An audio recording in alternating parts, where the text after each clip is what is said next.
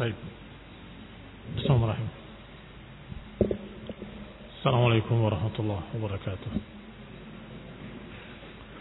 إن الحمد لله نحمده ونستعينه ونستغفره ونعوذ بالله من شرور أنفسنا ومن سيئات أعمالنا من يهده الله فلا مضل له ومن يضلل فلا هادي له وأشهد أن لا إله إلا الله وحده لا شريك له وأشهد أن محمدا عبده ورسوله صلى الله عليه وعلى آله وأصحابه والتابعين وتابع التابعين ومن تبعهم بإحسان إلى يوم الدين. يا أيها الذين آمنوا اتقوا الله حق تقاته ولا تموتن إلا وأنتم مسلمون. يا أيها الناس اتقوا ربكم الذي خلقكم من نفس واحدة وخلق منها زوجها وبث منهما رجالا كثيرا ونساء واتقوا الله الذي تساءلون به والأرحام. إن الله كان عليكم رقيبا. يا أيها الذين آمنوا اتقوا الله وقولوا قولا سديدا. يصلح لكم أعمالكم ويغفر لكم ذنوبكم. ومن يطع الله ورسوله فقد فاز فوزا عظيما. أما بعد فإن خير الحديث كتاب الله وخير الهدي هدي محمد صلى الله عليه وعلى آله وسلم وشر الأمور محدثاتها فإن كل محدثة بدعة وكل بدعة ضلالة وكل ضلالة في النار. إخواني في الدين أعزكم الله. Akhwani talabah rahimani wa rahimakumullah. Kita masuk kepada Amr wafdi Thaqif wa Islamuha. Bab tentang utusan suku Bani Thaqif dan keislaman mereka. Yang terjadi di bulan Ramadhan pada tahun ke-9 Hijriah. Berkata Ibn Ishaq rahimahullah وقدم رسول الله صلى الله عليه وسلم المدينة من تبوك في رمضان Nabi Shallallahu Alaihi wa ala alihi Wasallam pulang kembali ke Madinah dari perang Tabuk di bulan Ramadhan. wa qadima alaihi fi dzalika syahr wafdu Thaqif. Dan datang pula menemui beliau di bulan itu juga utusan dari Bani Saqif. Wa kana min hadithihim di antara riwayat-riwayat tentang kisah utusan Bani Saqif adalah bahwa Rasulullah SAW lamman sarafa anhum ketika pulang dari mereka menuju Madinah ittaba'a atharahu Urwah ibni Mas'ud. Beliau diikuti oleh salah seorang dari Bani Thaqif yaitu Urwah ibni Mas'ud. Radhiyallahu taala anhu karena kemudian masuk Islam.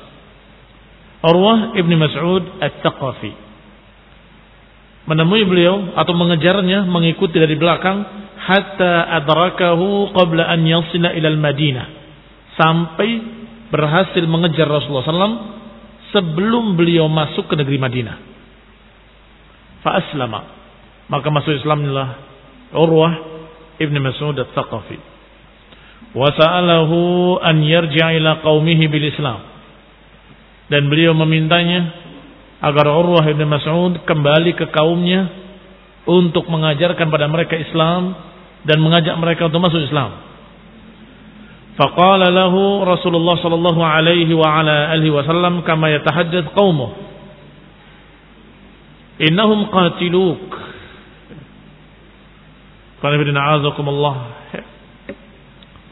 kita ulangi bahwasanya Urwah bin Mas'ud ketika masuk Islam meminta izin. Bukan Rasulullah SAW yang menyuruh. Alhamdulillah. Meminta izin kepada Rasulullah SAW untuk kembali ke kaumnya dan mendakwahi mereka. Maka Rasulullah SAW menjawab seperti rumor yang sudah beredar di kaumnya. Innahum qatiluk. Mereka akan membunuhmu, kata Nabi. Mereka akan membunuhmu. Ini berita yang beredar bahwa siapa yang masuk Islam dari suku Bani Thaqif mereka akan membunuhnya. Wa arafa Rasulullah SAW anna fihim nakhwat al-imtina' alladhi kana minhum. Dan Rasulullah pun paham gelagat-gelagat mereka suku Bani Thaqif nakhwat al-imtina' tanda-tanda kalau mereka menolak Tanda-tanda kalau mereka nggak akan menerima dakwah. Tetapi Urwah berkata, Ya Rasulullah, Ana ahabbu ilaihi min abkarihim. Ya Rasulullah, sesungguhnya aku dicintai oleh mereka dan disukai oleh mereka lebih daripada perawan-perawan mereka. Wa kana fihim kadzalika muhabbaban muta'an dan memang Urwah bin Mas'ud Al-Thaqafi di kalangan Bani Thaqif sangat dicintai, sangat dituruti dan didengar ucapannya. Maka dibiarkan oleh Rasulullah SAW diizinkan. Fakharaja yad'u qaumahu ila Islam. Maka pulanglah beliau ke Bani Thaqif untuk mengajar kepada mereka Islam dan mendakwahi mereka. Raja'a alla yukhalifuhu limanzilati fihim dengan harapan mereka nggak akan menyelisihinya, mereka nggak akan menolaknya karena kedudukan Urwah di mata mereka sangat mulia. Falamma asyrafa lahum ala illiyatin lahu tetapi ketika Urwah bin Mas'ud menampakkan dirinya di hadapan mereka dari jendela atas rumahnya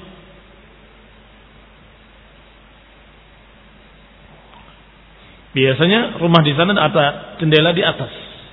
Dan biasanya kalau mereka akan berbicara ke halayak ramai, bicaranya dari atas. Di bawah semua orang sudah berkerumun. Maka keluarlah menampakkan dirinya dari jendela tersebut. Dan sudah mulai mengajak kepada Islam. Wa qad ilal Islam dan beliau sudah mengajak mereka ke dalam Islam. Wa azhara lahum dinahu dan sudah menampakkan kepada mereka agamanya. Ternyata ketika Urwah menampakkan diri di jendela atas tersebut, di atas rumahnya, Ramau bin Nabil min kulli wajh. Ternyata mereka melemparinya dengan anak-anak panah mereka. Dari segala penjuru. Semua memanah Urwah. Fa'asabahu minhum faqatalahu. Salah satu dari panah-panah tersebut mengenai tepat mengenai Urwah dan terbunuhlah Urwah ibn Mas'ud Al-Thaqafi radhiyallahu taala anhu. Fataz'um Banu Malik Banu Malik mengaku-ngaku annahu qatalahu rajulun minhum bahwa yang membunuh adalah salah satu golongan dari Banu Malik.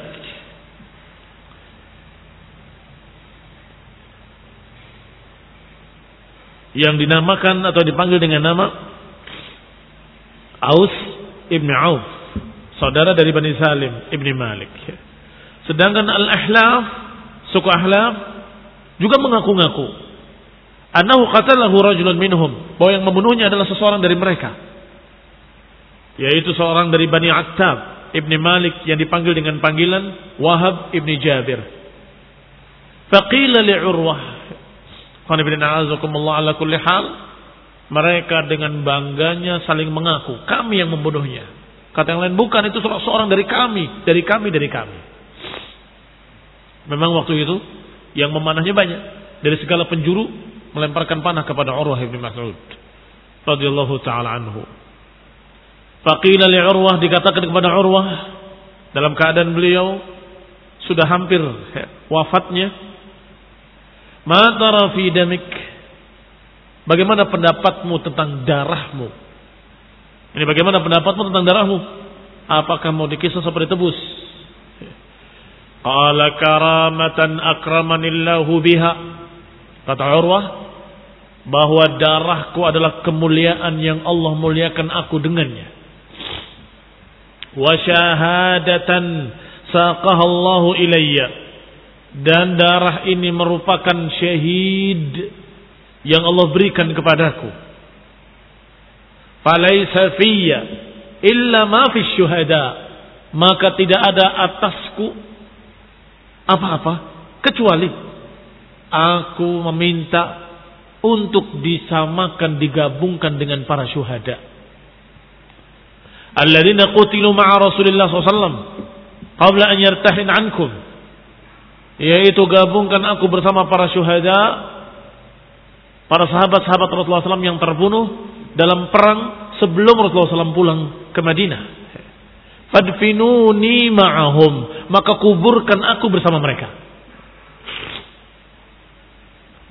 Faza'amu anna Rasulullah SAW qala fihim. Maka mereka menganggap bahwa Rasulullah SAW berkata kepada mereka atau kepada Urwah bin Mas'ud khususnya Qala inna masalahu fi قومه kamathali sahibi Yasin fi قومه. Sungguh permisalan beliau, permisalan Urwah di kaumnya seperti permisalan sahibu Yasin. Seperti permisalan seorang yang dikisahkan dalam surat Yasin di kaumnya. Thumma aqamat ثقيف ba'da قتل Urwah ashhuran. Kemudian Saqif tetap dalam keadaannya beberapa bulan setelah terbunuhnya Urwah Ibn Mas'ud. Innahum i'tamaru. Kemudian setelah beberapa bulan mereka berbicara kembali, bermusyawarah. Wa annahu la taqata lahum biharbi man hawlahum minal Arab. Dan dalam rapat tersebut, dalam musyawarah tersebut, mereka mengatakan dengan sepakat bahwa kita nggak punya kekuatan untuk memerangi kaum-kaum Arab di sekitarnya yang semuanya sudah muslimin. Waqad bay'u wa aslamu. Mereka semua sudah bayat dan mereka sudah masuk Islam. Fa'tamaru bainahum. Maka mereka pun rapat kembali atau bermusyawarah kembali wa ajma'u an yursilu ila Rasulillah SAW rajulan kama arsalu Urwah. Maka mereka sepakat untuk mengutus seseorang menemui Rasulullah SAW sebagaimana yang pertama dulu mereka mengutus Urwah. Ya. Fakallamu abda Maka dipanggillah seorang dari kalangan mereka yang dipanggil dengan nama Abdu Yalail Ibni Amr Ibni Umair wa kana sinnuhu sinnu Urwah dan bahwasanya Abdul Yalail umurnya sama dengan umurnya Urwah persis wa aradu dalika alaihi maka ditawarkan kepada Abdi Yalail untuk berangkat menemui Rasulullah SAW. Qal fa'aba an yaf'al. Ketika ditawarkan kepadanya, Abdu Yalail menolaknya. Apa alasannya? Khasya an yusna' bihi idza raja'a kama suni'a bi Urwah. Mereka khawatir Banu Saqif memperlakukannya seperti memperlakukan Urwah ibn Mas'ud ketika pulang dari Rasulullah SAW.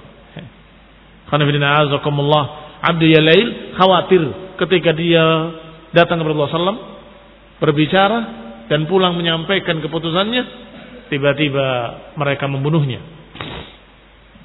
faqal maka berkata Abdul Yalail lastu fa'ilan hatta tursilu ma'i rijalan. Aku enggak akan melakukannya. Aku enggak akan mau. Kecuali kalau kalian utus bersamaku orang-orang lain.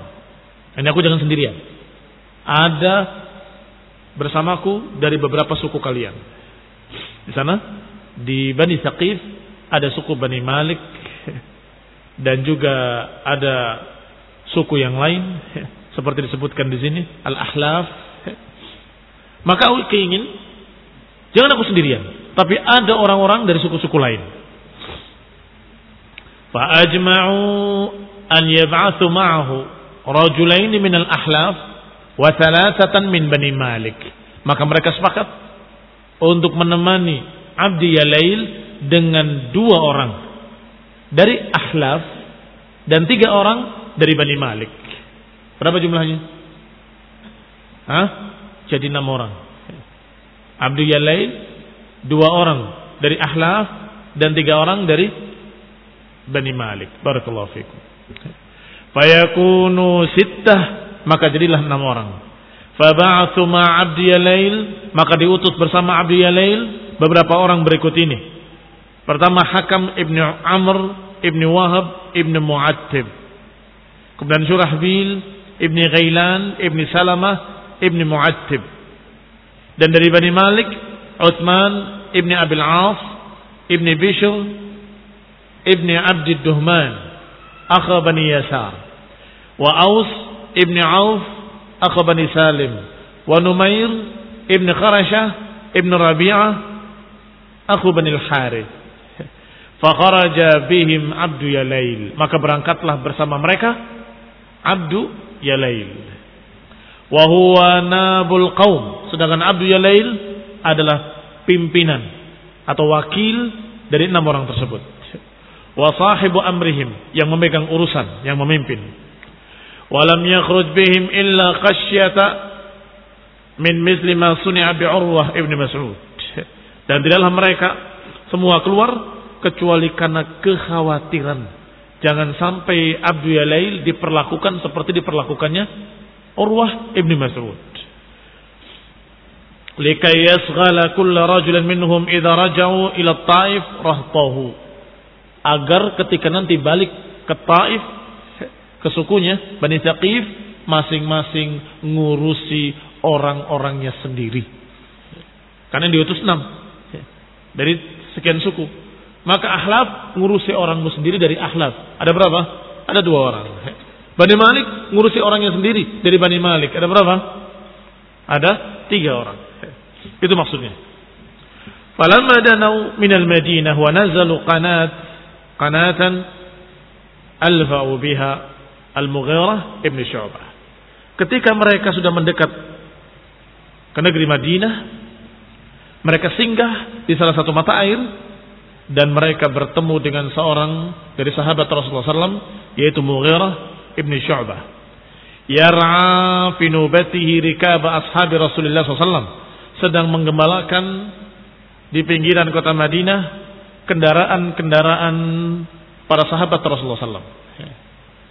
Karena kendaraan waktu itu adalah ternak, ada yang kuda, ada yang unta. Maka ini dikatakan yar'a rikab ashabi Rasulullah yang menggembalakan kendaraan-kendaraan para sahabat Rasulullah SAW. Wa kanat nuban ala ashabi sallallahu alaihi wa ala alihi wasallam. Dan beliau memang tugasnya untuk menggembalakan hewan-hewan tunggangan tersebut. Falamma ra'ahum taraka. Ketika Mughirah bin Syu'bah melihat mereka, melihat enam orang dari suku Bani Saqif, maka mereka pun segera atau beliau pun segera meninggalkan e, ternaknya. Dan kemudian dabara yashtad lompat ke kudanya langsung memacunya dengan semangat. Dan mereka subhanallah bisa melihat suku-suku dengan hanya melihat ciri-ciri di wajahnya saja. Bahkan sebagian mereka bisa melihat dari telapak kakinya saja. Ini suku Bani Fulan ini suku Bani Fulan. Itu keahlian mereka orang-orang Arab. Sehingga kelihatan rombongan enam orang, dia tahu bahwa ini utusan Bani Thaqif. Ada tanda-tandanya, apakah warna kulitnya, atau bentuk hidungnya, atau bentuk mukanya. Yang jelas mereka tahu kalau ini suku Bani Thaqif. Maka langsung dia melompat ke kudanya dan memacunya menemui Rasulullah SAW. Liyubashir untuk memberikan kabar gembira kepada Rasulullah Sallallahu Alaihi Wasallam biqudumihim alaih. Kenapa dia ingin memberitakan kabar gembira. Apa yakin kabarnya kabar gembira? Dari mana tahunya kalau ini kabar gembira? Kebiasaan mereka kalau datang dalam jumlah besar dengan senjata lengkap dengan pasukannya atau dengan berbagai macam senjata apakah tameng dan tombaknya dan panah dan sebagainya maka itu adalah alamat jelek artinya peperangan. Tetapi kalau sedikit, lima orang, empat orang, atau enam orang, maka biasanya utusan. Dan kalau utusan, biasanya imma mengajak damai, wa imma masuk Islam. Maka ini dua-duanya kabar gembira. Maka begitu melihat jumlahnya sedikit dan seluruhnya dari Bani Thaqif, walaupun satu dari Bani Malik atau sebagian dari Bani Malik, sebagian lagi dari Bani Ahlaf, tapi semuanya dari Bani Thaqif, dari daerah Taif. Maka Mughirah bin Syu'bah langsung segera meloncat ke kudanya dan memacunya liyubashshira untuk memberitakan kabar gembira kepada Rasulullah SAW dengan datangnya utusan dari mereka. Falaqiyahu Abu Bakar Siddiq. Ternyata sebelum bertemu dengan Rasulullah, Mughirah bertemu dengan Abu Bakar Siddiq radhiyallahu taala anhu. Qabla an yadkhul, sebelum masuk menemui Rasulullah SAW. Fa akhbarahu an rakbi Thaqif. Maka dikabarkan oleh Mughirah kepada Abu Bakar tentang datangnya utusan-utusan dari Bani Thaqif. An qad qadimu yuriduna al-bai'ah wal Islam. Mereka telah datang untuk baiat dan untuk masuk Islam. Bi an yashrita lahum Rasulullah SAW syurutan dan ingin mengusulkan kepada Rasulullah SAW agar beliau kalau menerima mereka masuk Islam atau baiat hendaklah kasih syarat.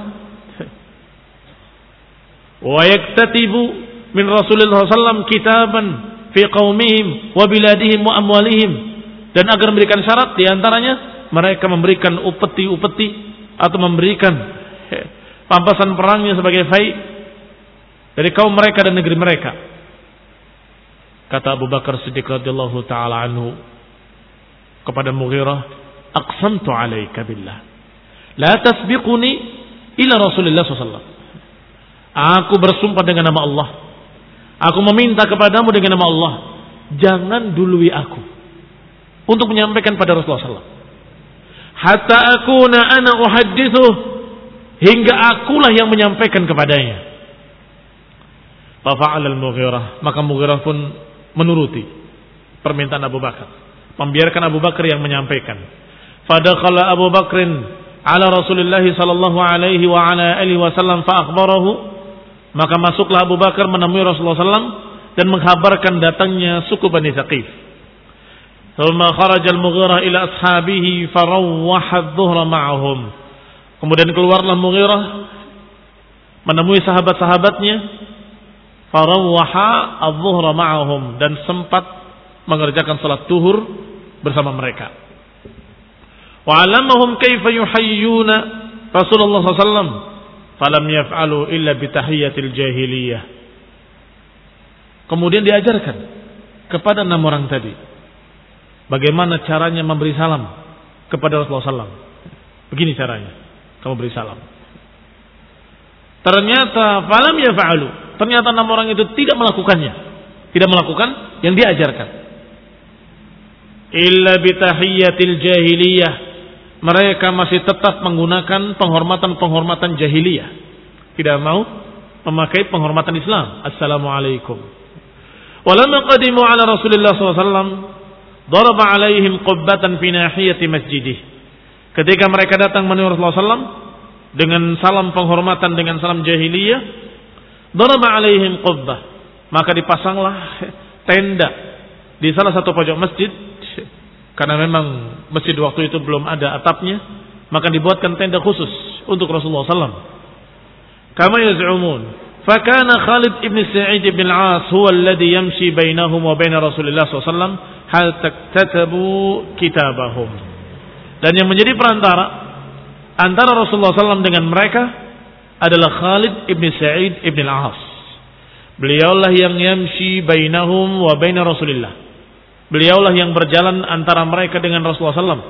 Menyampaikan ucapan mereka kepada Rasulullah. Menyampaikan ucapan Rasulullah pada mereka. Perantaranya adalah Khalid ibn Sa'id ibn al-As. Hatta ketatabu kitabahum. Sampai selesai surat perjanjian. Antara kaum muslimin dan Bani Thaqif. Wa kana Khalid huwa alladhi kataba kitabahum biyadih. Dan Khalid ibn al-As atau Khalid ibn Sa'id ibn al-As Beliau bahkan bukan hanya perantara, tapi beliau juga yang menulis dengan tangannya. Dengan tangan dia sendiri menulis surat perjanjian tersebut. Wa kanu la yatma'una ta'aman ya'tihi min 'indi Rasulillah SAW hatta ya'kula minhu Khalid. Hatta aslamu wa farighu min kitabihim. Dan mereka la yatma'una ta'aman. La yat'amuna ta'aman ya'ti min 'indi Rasulullah SAW hatta ya'kul minhu Khalid. Dan mereka tidak mau makan makanan yang dikirimkan oleh Rasulullah SAW hingga dimakan oleh Khalid ibn Sa'id ibn al-As. Dan begitu. Sebaliknya. Ini kalau ada apa-apa, Khalid dulu yang kena. Demikian pula ketika mereka memberikan sesuatu, maka Khalid juga yang mencicipi. Hatta aslamu wa fariqu min kitabihim. Sampai mereka pun paham dan mereka masuk Islam dan selesai dari surat perjanjian mereka. Wa qad kana fi ma sa'aluhu Rasulullah SAW an yad'alahum at-taghiyah wa hiya la yahdimuha thalath sinin. Fa aba Rasulullah SAW. Di antara isi perjanjiannya Jangan dikira usulan-usulan tadi kemudian itu saja yang dipakai. Ternyata justru yang paling penting menjadi catatan perjanjian adalah masalah tauhid dan syirik. Artinya mengajak kepada tauhid dan menghilangkan kesyirikan. Di antara permintaan mereka an yad'alahum at-taghiyah wa membiarkan patung lata untuk tidak dihancurkan selama tiga tahun. Jadi Bani Thaqif masuk Islam. Tapi Tawud berhala lata yang ada pada mereka jangan dihancurkan dulu sampai tiga tahun. Kata Nabi SAW tidak. Fa'aba Rasulullah SAW alaihi wasallam dzalika alaihim. Nabi pun menolak usulan mereka. Tidak. Kalau kalian masuk Islam harus dihancurkan sekarang juga. Ya. Fama yarju fama barihu yas'alunahu sunnatan sunnatan ya'ba alaihim atau sanatan sanatan ya'ba alaihim. Fama barihu yas'alunah. Maka mereka tidak berhenti. Terus minta ini lagi, minta itu lagi. Sampai kalau tidak tiga tahun, dua tahun. Kalau nggak tahun, setahun dan terus ditolak oleh Nabi tidak Hatta sa'alu syahran wahidan. Sampai minta sebulan saja. Jangan dihancurkan dulu sebulan saja.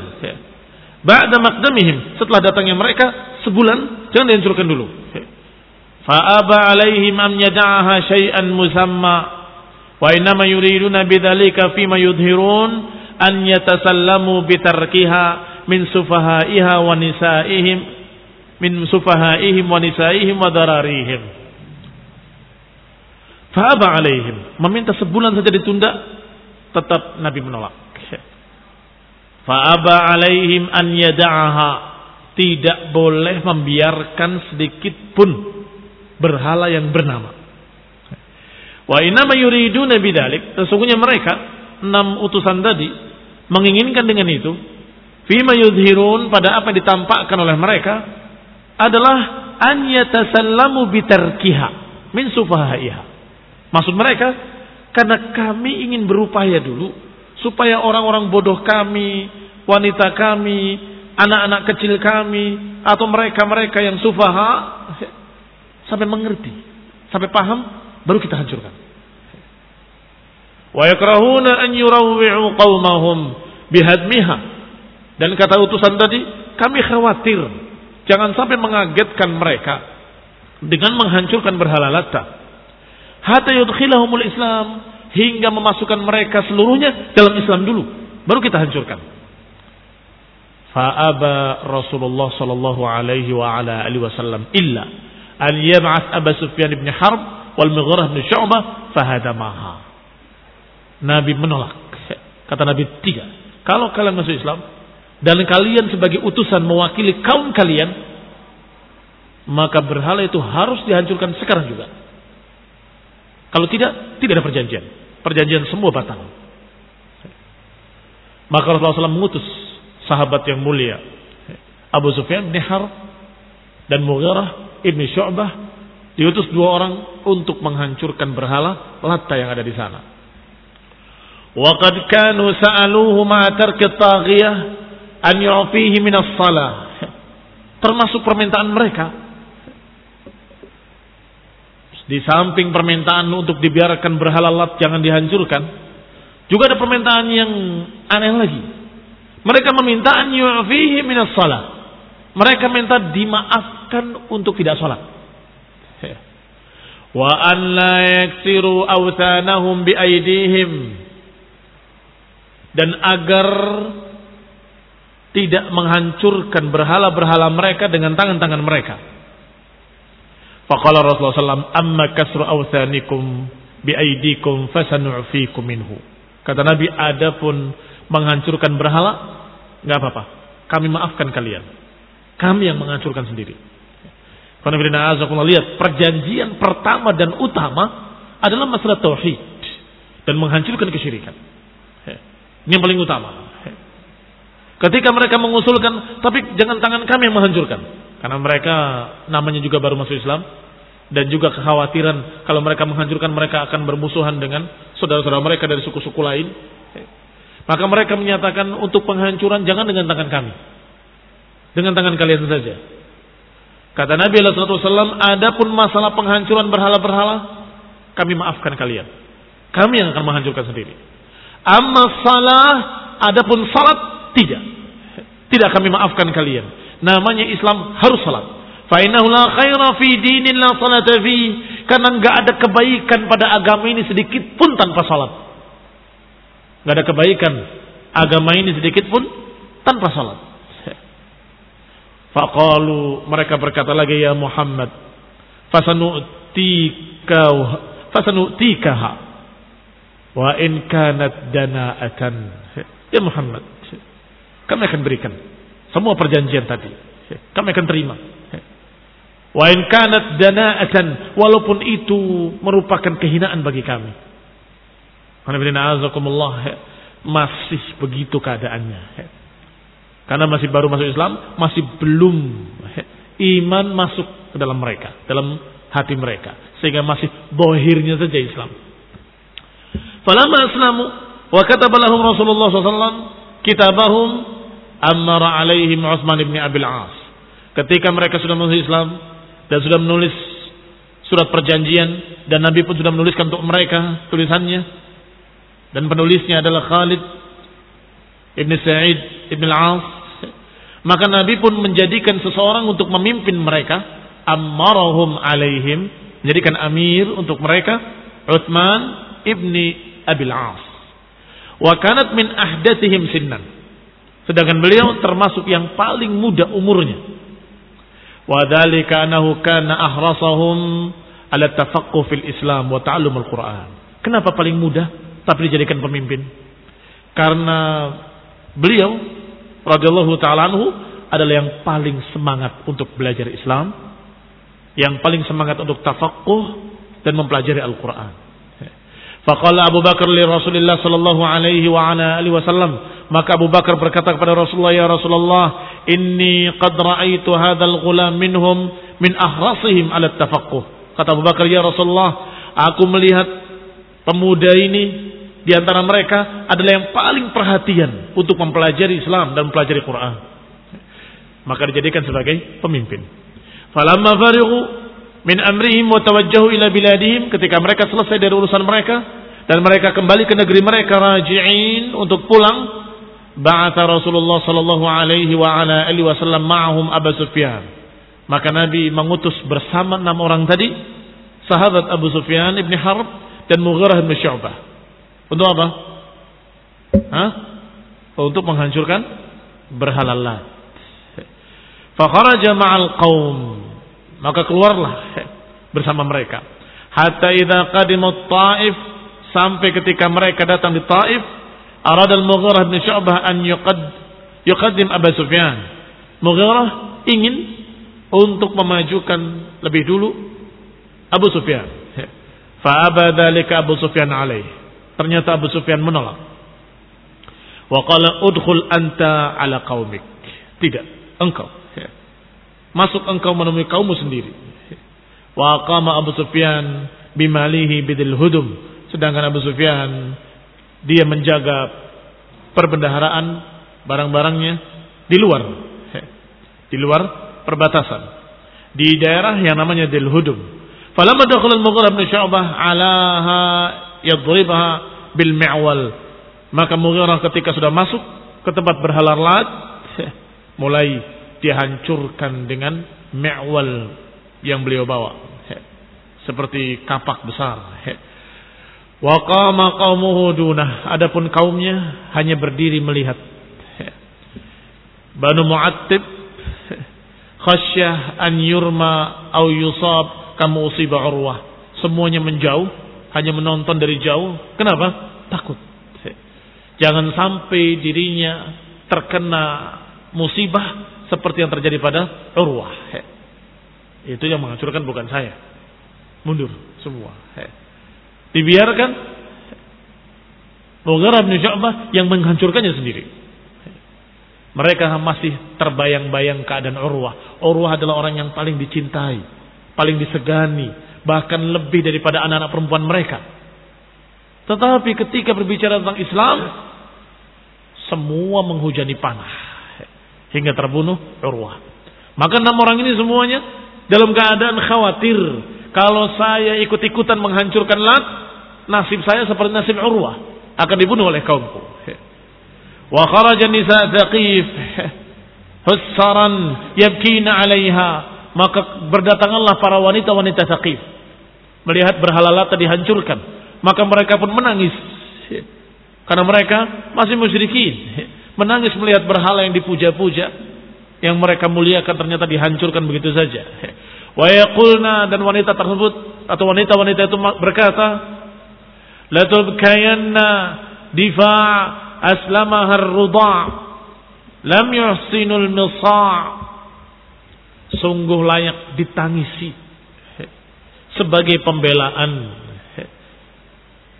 dan dipasrahkan kepada rudha' lam yuhsinul misa' wa yaqulu Abu Sufyan wal Mughirah yadribuha bil fa's dan Abu Sufyan kemudian ikut membantu menghancurkannya dan juga Mughirah dengan fa's dengan kampak besarnya. Wahan laka, ahan lak, wahan lak, ahan lak, maknanya wah kamu, kasihan kamu begitu. Ya ini melecehkan bahwa berhala ini nggak punya apa-apa, nggak punya kekuatan apa pun, apalagi ketuhanan. Tidak memiliki keajaiban, tidak memiliki kehebatan, tidak memiliki keramat apa pun. Dihancurkan begitu saja. Menghancurkan sambil berkata, kamu ini nggak ada apa-apanya, kamu ini rendah, kamu ini nggak ada sama sekali kekuatan. Arsala ila Sufyan. Ketika sudah dihancurkan oleh Mughirah dan Abu Sufyan, maka diambil semua perbendaharaan yang ada di sana. Karena mereka biasanya memberikan sesajen-sesajen dalam bentuk perhiasan, emas, perak, di dalam berhala lata tersebut. Kuburan yang dibangun di atasnya bangunan-bangunan dan dikasih tirai. Ini seperti rumah ada tirainya. Nah di dalamnya ada perbendaharaan, harta-harta. Maka diambil sebagai pampasan perang. Wahuliyah perhiasannya semuanya dibawa dikirimkan kepada Rasulullah sallallahu alaihi wa ala alihi wasallam. Majmu' wa manuha min adh-dhahab wal jaz'. Wa qad kana Abu Mulaih ibn Urwah wa Qari ibn al-Aswad qadima ala Rasulillah sallallahu alaihi wasallam qabla wafd Thaqif hina qutila Urwah yuridani firaqa Thaqif. Ada kisah lain sebelum datangnya enam utusan tadi ada dua orang. Yang pertama Abu Mulaih ibn Urwah dan yang kedua Qarib ibn al-Aswad keduanya datang menemui Rasulullah SAW sebelum datangnya suku Bani Thaqif sebelum datangnya utusan. Dua orang ini datang setelah Urwah terbunuh. Dan keduanya berkata, aku ingin memisahkan diri dari Bani Thaqif. Ini ingin memisahkan diri dari Bani Thaqif. Wa la yujami'ahum ala syai'in abadan. Dan jangan gabungkan aku dengan Bani Saqif dalam masalah apa pun. Aku bukan mereka dan mereka bukan kami. Dua orang ini sudah tidak suka dengan kaumnya sendiri. Dan ingin melepaskan diri dari kaumnya. Dan keduanya masuk Islam. Fa'aslama. Masuk Islam. Dan aku bukan Bani Saqif. Dan aku jangan kait-kaitkan dengan Bani Saqif. Faqala lahum Rasulullah sallam tawalliyan tawalliya man syi'tuma. Kalau gitu silahkan. Engkau bergabung dengan suku mana pun yang kau suka. Ya. Tawalliya maksudnya berwala, bergabung man syi'tuma. Siapa yang kamu sukai.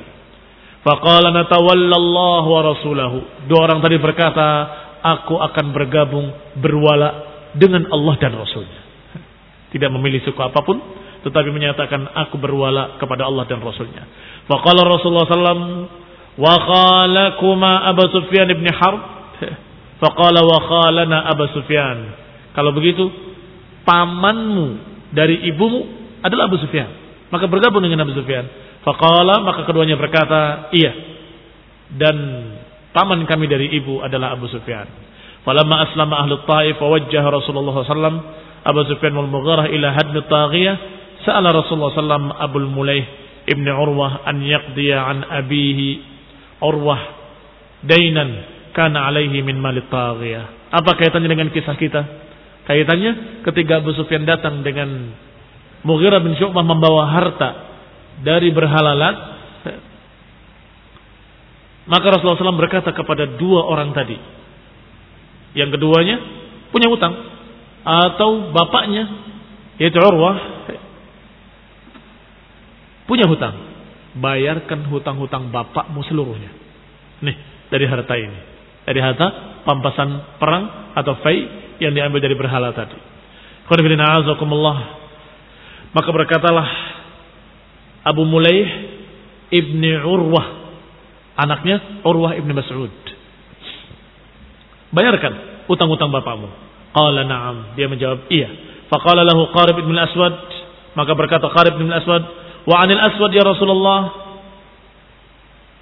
Sedangkan dari bapakku ya Rasulullah, dia juga punya utang. Taqdihi wa urwah wal aswad li abin wa um.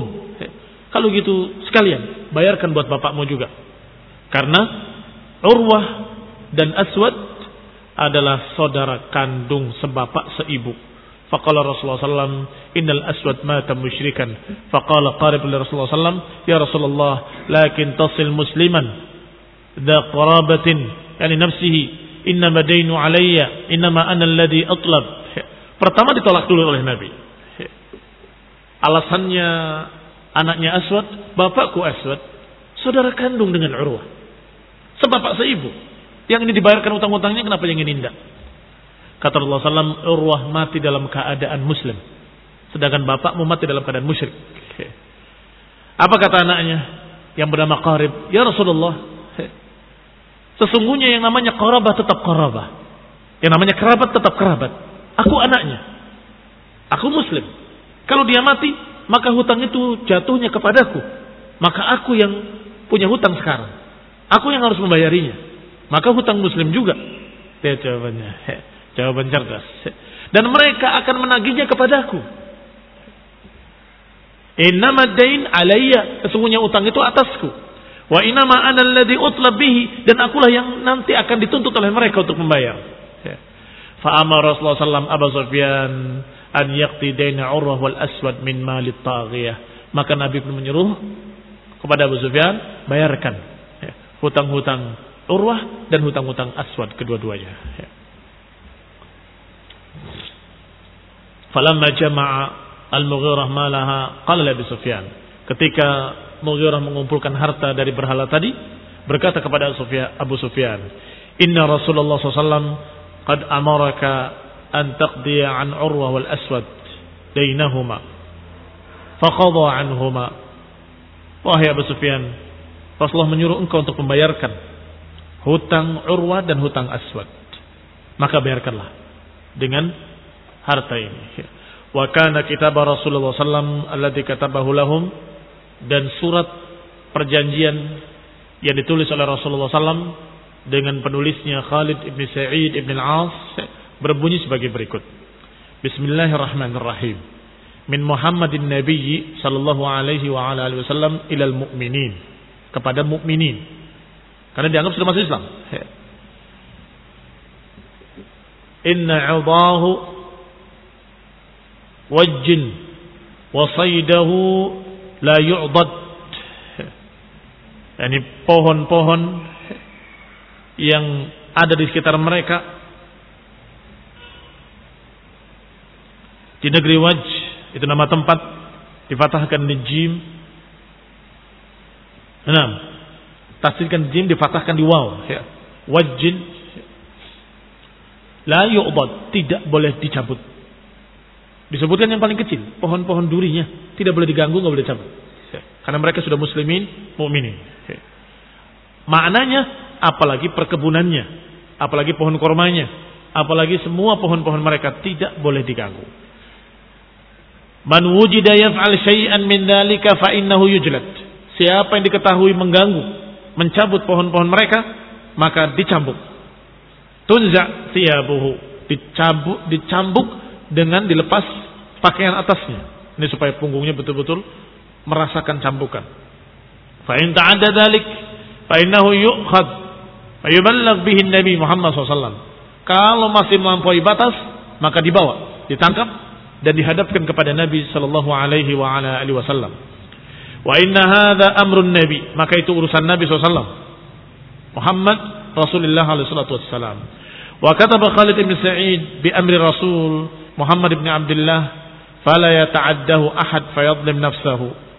Maka ditulis oleh Khalid bin Sa'id urusan Rasulullah sallallahu Muhammad bin Abdullah fala yata'addahu ahad. Maka jangan ada yang melanggarnya seorang pun. Fayadlim nafsahu, maka dia mendolimi dirinya sendiri. Fima amarahu bihi Muhammadun. Pada apa diperintahkan oleh Nabi Muhammad Rasulullah sallallahu alaihi wa ala alihi wasallam. Ini sebagian dari surat perjanjian yang ditulis antara Rasulullah SAW dengan utusan dari Bani Thaqif yang menyatakan keislaman mereka. Nasallahu taufiq wal afiyah. Wa nasallahu hidayah wa rahmah. Subhanaka wa bihamdika asyhadu an la ilaha illa anta astaghfiruka wa atubu ilaik. Wassalamualaikum warahmatullahi wabarakatuh.